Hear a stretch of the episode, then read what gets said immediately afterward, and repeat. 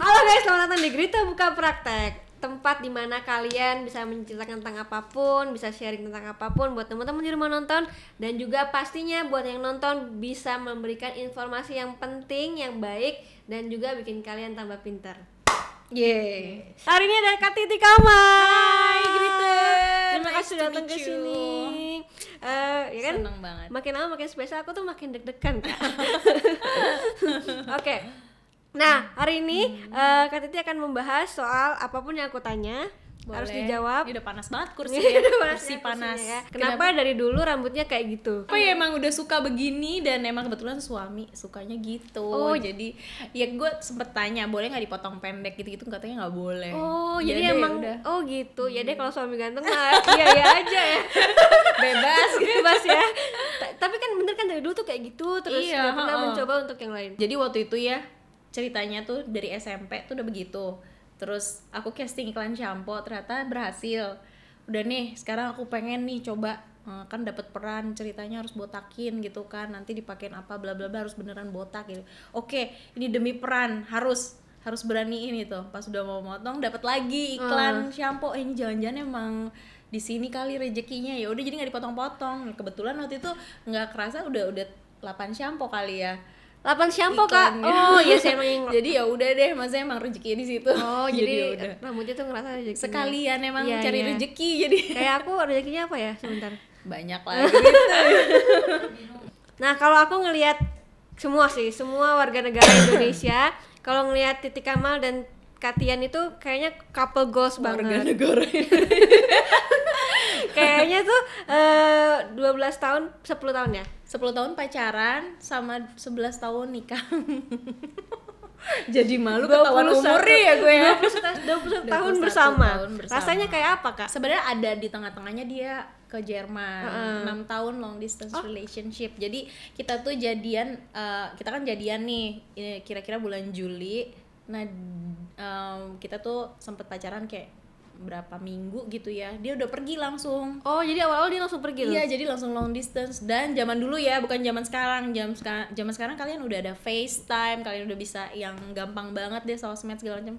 Zaman gue dulu tuh belum ada. Baru ada gimana? tuh kayak net meeting. Jadi gue masih gaptek banget dan gue harus ke warnet gitu gitu Aduh. belajar net meeting lo tau nggak kayak belum lahir kali ya Pasti. itu zaman MIRC pasti lo tau zaman tau MRIC gak sih Tahu, tahu ini. Apa, ya? Apa sih? zaman dulu banget pokoknya setelah Friendster gitu Oh, Friendster tahu. Friendster tau ya, ada Hmm. MIRC jadi kayak eh, kita tuh kayak masuk-masuk ke saluran supaya bisa ketemu sama dia supaya chatting gitu tuh Ya ada ampun, salah-salah lucu masuk saluran gitu ada yang namanya apa gaul gitu-gitu yang hey hey jadi orang tuh cari cewek kadang di situ Oh. gitu Gua kadang suka salah-salah masuk gitu Jadi salah- nah Tapi bosan gak sih Kak 21 tahun bersama?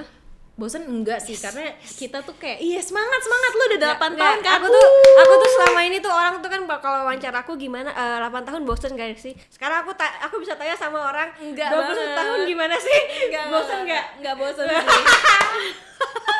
Semangat semangat 8 tahun. Oke. Em, Yang dirasain apa Kak? apa ya? Eh, seru aja karena kita punya kesamaan. Kita tuh sama-sama suka traveling. Jadi yang bikin kita nggak bosen kita selalu cari suasana baru cari explore tempat-tempat mana lagi ke mana lagi ke mana lagi. Jadi emang oke kitanya sama tapi suasananya yang beda terus. Aduh, lucu. jadi kita explore sesuatu. Ya terserah nggak mesti harus traveling sih. Kadang kita bikin sesuatu bersama gitu loh. Misalnya bikin apalah gitu bikin karya bikin apa bareng-bareng gitu jadi itu yang bikin kita jadi eh, ada sesuatu yang baru terus gitu Lucu. Tapi 10 tahun pacaran tuh pernah putus nyambung gak? Em, putus nyambung pasti ada putus nyambung karena kayak ya standar lah ya, nggak masih awal-awal gitu ah udah putus aja gampang banget Oh. nyebut putus gitu sampai suatu waktu dia bilang oh eh ya udah kalau nyebut putus lagi putus beneran ya Aduh. oh ya udah jadi harus hati-hati. Iya, nggak boleh sembarangan. Nggak boleh dulu tuh kayak gertaknya atau apa gitunya Putus. ngomongnya putus gitu. Gak sayang Kak. Bilang putus pacarnya ganteng gitu. Dulu. waktu itu so ya biasalah gertak-gertak doang. Gue juga nggak mau sih gertak-gertak doang ini gitu Iya. Untuk balik Karena lagi. kan biasanya diperhatiin kan kalau ngajak-ngajak putus gitu langsung diperhatiin caper-caper gitu padahal sih Tapi lama-lama juga kalau dia beneran ngajak putus tapi lama-lama itu mungkin kalau cowok digituin malas juga kali ya lama-lama kesel juga makanya dia sampai bilang gitu ya udah kalau emang pengen putus ya berarti putus beneran nggak boleh ngubungin lagi apa segala macam Jangan. Tapi kalau Katia nih tipe cowok yang romantis atau enggak? Dia itu rom eh awalnya tuh nggak banget. Awalnya tuh bener-bener kaku cool banget gitu. Dia nggak ngerti nggak peka istilahnya sama cewek. Maksudnya kayak gue pengen apa dia udah disindir-sindir nggak nggak ngeh juga gitu. Jadi ya istilahnya tuh dia sama, sama sekali nggak romantis waktu itu. Tapi seiring waktu gue kasih tahu terus nih kalau cewek gini artinya pengen gini kalau gini artinya pengen gini lama-lama dia jadi peka dan romantis banget Oke, aku terapin. Tapi aku pengen tahu siapa yang duluan deketin. Eh, dia. Jadi waktu itu aku model majalah remaja waktu itu. Terus kebetulan dia juga kan waktu itu ketua OSIS suka diajak jadi narasumber di majalah itu. Nama orang yang kerja di situ Mbak Eka sama Mbak Rika. Terus habis itu eh, Mbak Rika itu ngomong, "Tikam, ada yang mau ngajak nonton bareng nih kan kalau di majalah-majalah zaman dulu itu tuh suka ada kayak ngajak nobar-nobar gitu sama pembaca. Nah, aku modelnya suka diajak nonton juga. Mau ada yang ngajakin nih nonton nih, ada yang mau ikutan eh, namanya Tian gitu. Oh ya, yang mana fotonya Mbak gitu. lihat dulu fotonya. Eh, aku lihat fotonya tuh kayak kan kalau di majalah kawanku itu dulu ada yang warna-warni, ada yang hitam putih. Nah, itu dia pas lagi yang kayak begitu doang nih, lagi putih. duduk doang nunjuk hitam putih. Kayaknya biasa aja ya mbak ya gitu. Ah nggak mau, ah nggak mau gitu. nggak mau. Sosok nggak Oke, mau. Terus habis itu nggak lama aku lagi hmm, pemotretan sama model waktu itu tahu Farhani nggak sih? Tahu tahu. Iya, Farhani di Tika ada yang suka nih sama lo, nitip salam sama gue namanya Tian. oh gitu. Eh nggak nggak gue nggak mau. Akhirnya ke acara, acara itu ada dia. Terus gue lihat, hah cakep banget. slow motion kan, slow motion ketemu di Oke. pintu depan. Terus dia yang kayak pura-pura nggak nengok gitu, yang kayak bengong mbak, yang hmm, yang gitu gitu kayak mungkin kesel kali Ah, waktu itu gue nggak mau gitu. Terus Ah, ada Farani juga Hah? sih.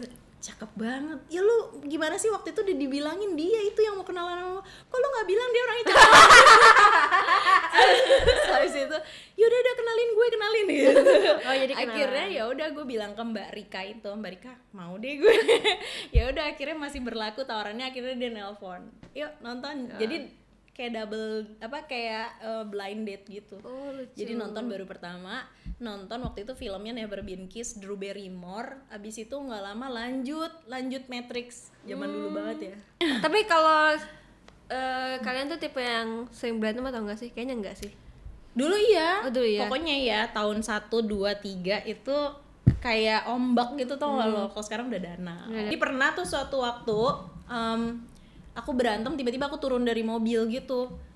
Turun dari mobil terus aku sok-sok keliling perkampungan gitu di situ di daerah dekat Padahal kota takut. Casablanca ada deh. Ah, padahal takut kok, nggak manggil-manggil gue nih orang ya. Nah, Dibiarin dia nunggu aja parkir situ nggak turun sama sekali cool banget Hmm, gitu. terus- terus? So, akhirnya gue kucuk-kucuk balik lagi ke mobil. Kesel banget ya nggak dipanggil gitu-gitu. Jadi yang kayak gitu-gitu aja cuma berapi-api doang. tapi cowok-cowok yang kayak gitu ya kak yang bikinnya eh, yang paling gue senengin tuh nggak tebar pesona tipenya. Jadi tuh udah pes- pernah- udah banyak kak pesonanya kak. Sebar lagi kak. Dia tuh nggak sadar kalau dia cakep. Jadi jadi tuh pernah waktu itu temen gue kesel gitu. Eh, jadi satu geng gue ada satu geng gitu isinya 14 orang kali ya. Nah dia tuh nggak dia kekurangannya nggak terlalu hafal namanya? Iya gitu. Jadi katanya ti gue tuh di, di restoran ini dia tuh depan gue persis lu dia nggak nengok ke gue gitu. Jadi kayak oh berarti dia malah gue seneng tipenya bukan pesona bukan yang nengok kanan kiri gitu loh. Masuk Iya. restoran duduk jebret pesen makanan nggak nggak yang Jelalatan. gitu. Jadi ya seneng tipenya kayak syukur gitu loh. Ah, mupeng kan. Nah tapi yang paling jelas siapa? Pasti kak Titi ya? Aku. Kalau aku masih yang suka cemburuan. Kalau dia cemburuan tapi kayak nggak ditunjukin gitu. Jadi emang yang tiba-tiba aja kalau misalnya dia udah ngomong berarti udah warning. Kalau dia diem aja berarti masih oke nih gitu. Bintangnya apa bintangnya? Pisces. Oh Pisces. Kenapa Pisces Gak apa-apa, baik. Bagus banget tuh Pisces kak. Nah tapi ya, aku pengen tanya nih, 10 tahun pacaran ada nggak cerita yang paling tidak bisa dilupakan? oh iya ada. Eh, aku kan traveling. Aku nyamperin dia ke Jerman waktu itu sama mama. Jalan traveling ceritanya mau diajak keliling Eropa tapi ya itu masih kantong mahasiswa lah gitu yang seru gitu. Kantong mahasiswanya kayak Jerman guys. Ya, lumayan juga sih ngepas sih Iya. waktu itu yang ada di kantong. Terus habis itu mama sama aku sama dia dari Jerman ke Paris. Nah dari Paris pas turun dari kereta itu mama tuh naruh tas. Misalnya ini kursi nih Hilang. naruh tas di bawah. Dia tuh cuma nengok sini dikit sebelah sini udah nggak Hilang. ada. Paris nah itu ya? isinya ada paspor kamera aku dompet semuanya. Terus gimana? Aku shock banget. Em, akhirnya kita bilang ke ke kantor ke lapor minta surat kehilangan gitu ya. Terus dapat surat hilang nah gimana nih itinerary-nya? Kan habis dari sini kita ke Italia ke mana gitu kan. Ya udah nggak apa-apa lanjutin aja nanti liatin aja surat ini surat tanda hilangnya. Ternyata pas lagi di kereta perjalanan di tengah-tengahnya itu diberhentiin kan ada pemeriksaan. Nah kita nggak ada paspor Terus kan. gimana? akhirnya di ini digelandang ke kantor polisi. Dikira imigran gelap tuh mas akhirnya nunggu bengong gitu. Dia dia nerangin nerangin. Akhirnya dilepas juga sih. Terus apa lagi apa lagi? Kita tuh ada kayak hari cuek nasionalnya gitu. Jadi yang nggak boleh dandan nggak boleh apa gitu. Yang pakai sendal jepit sok-sok jalan-jalan ke taman ke mana gitu-gitu. Kak, kak, kakak punya berdua katian? Iya berdua. Oh, setiap hari apa? Setiap hari apa? Dulu ada. Lucu banget Zaman ada dulu ada santai hari gitu. cuek nasional karena dia tuh santai. kayak males banget sama cewek yang dandan. Dia tuh paling nggak suka. Jadi pengennya emang natural ala ala gitu jadi ini biar kamu nggak yang kayak dandan dandan gitu kayak gitu. Terus ada lagi yang dia cuek banget orangnya tapi ternyata nggak nyangka waktu itu kita diajakin hmm, jadi aku ulang tahun waktu itu terus habis itu aku diajakin nonton di bioskop sama dia film paranormal activity film horor karena aku emang suka film horor kan. Nah terus kita nonton masuk ke bioskop ternyata kosong bioskopnya nggak ada orang gitu. Naik naik kan ada bunga-bunga mawar ala ala gitu nyampe tengah ternyata kita sendirian. Lagi hantunya mau muncul. Kak. Lagi hantunya mau muncul tiba-tiba video teman-teman testimonial sahabat-sahabat. Terus tiba-tiba teman-teman berdatangan. Wah thank you so sweet. Terus ini dia main ulang tahun ya? Ternyata dia niat banget. Iya ulang sweet tahun. amat. Itu kok nggak aku nggak pernah dengar beritanya apa?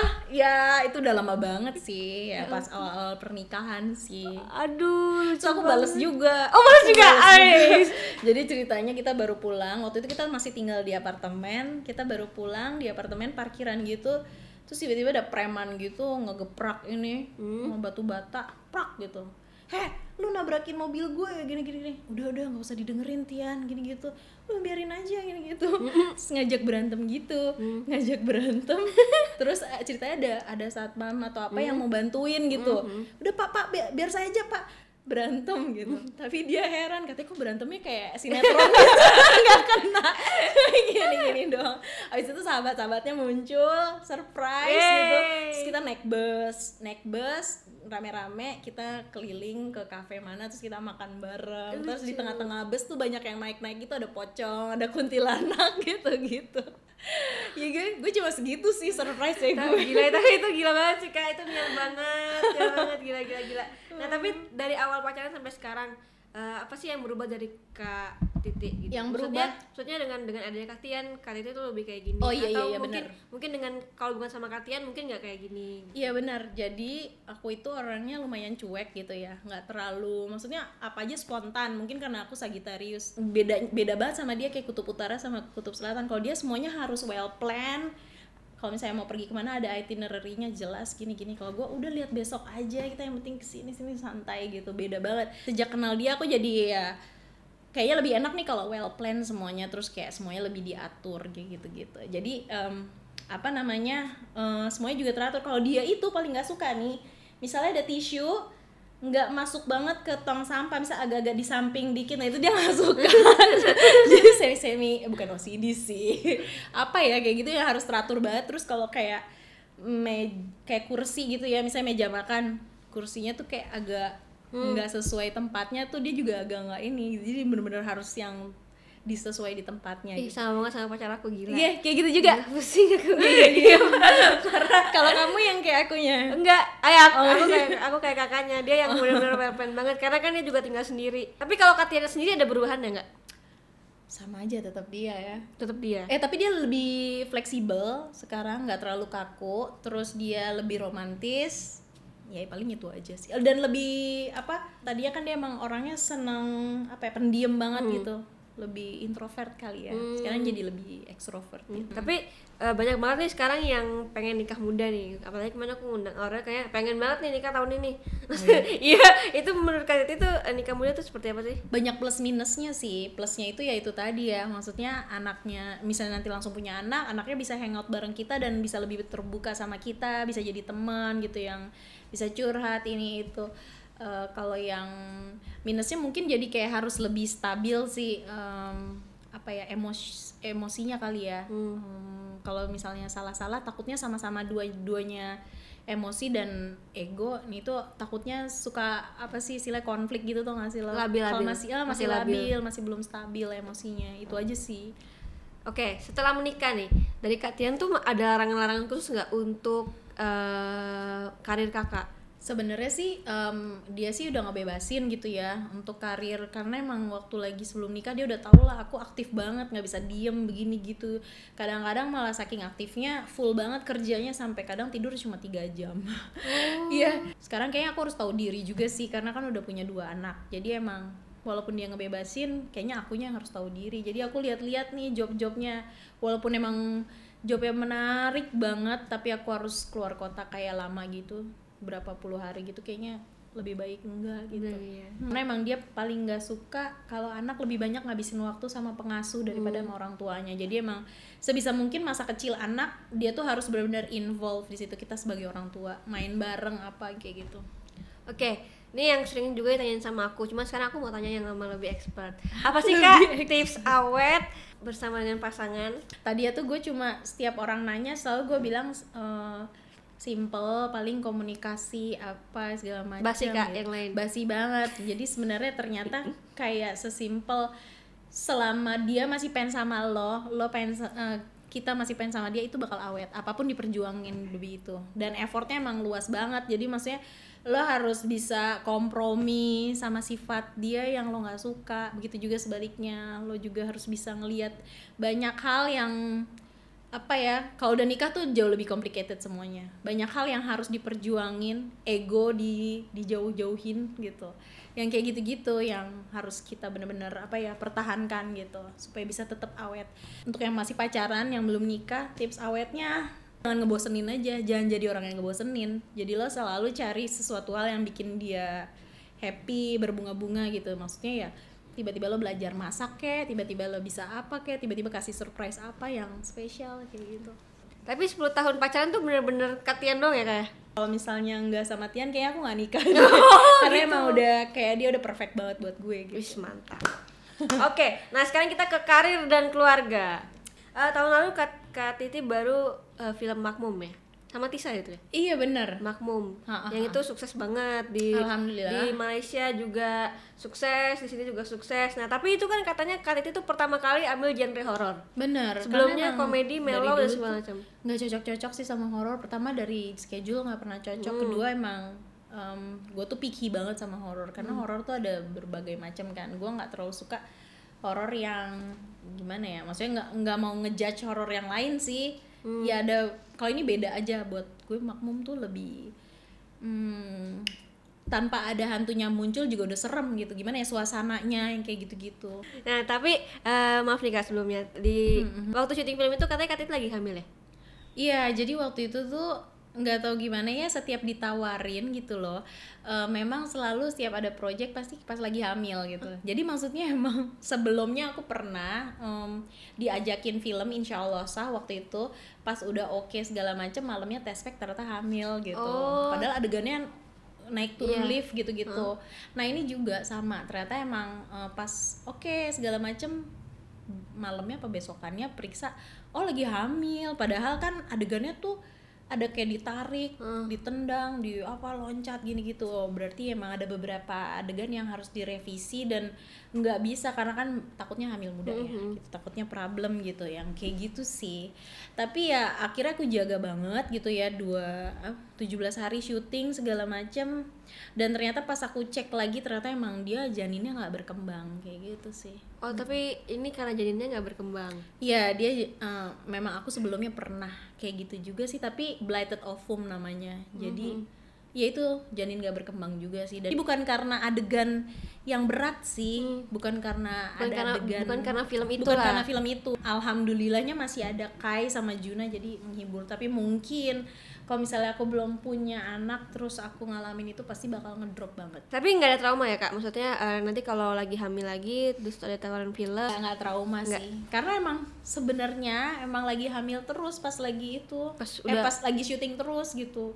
Hamil Juna ternyata gue tuh lagi loncat-loncatan di truk Aduh. lagi gelantungan di sungai gitu-gitu. Ternyata oh lagi hamil gitu. Keseret-seret gitu tuh gak dan ya alhamdulillah kuat sih Juna tetap maksudnya tetap kalau emang bibitnya bagus alhamdulillah bisa lanjut terus gitu. Nah tapi kan kakak nih sama Katian kan sama-sama di dunia seniman Iya. Terus Katian juga banyak bisnisnya, Katian juga banyak bisnisnya Nah sebagai seorang seniman eh, ada nggak sih perjanjian-perjanjian kalau misalkan Perjanjian. Kat, Katian lagi syuting, Katian nggak boleh terima syuting dulu Oh iya iya, Tian juga kadang bilang kayak gitu sih. Kalau dulu kan kita masih sama-sama syuting segala macam seiring dengan anak makin gede tuh Tian sekarang udah bilang em, kalau misalnya gue lagi syuting dia yang jagain anak-anak. Maksudnya dia juga ya tetap syuting kantor tapi nggak yang intens nerima syuting yang sampai malam juga gitu. Jadi emang ganti-gantian.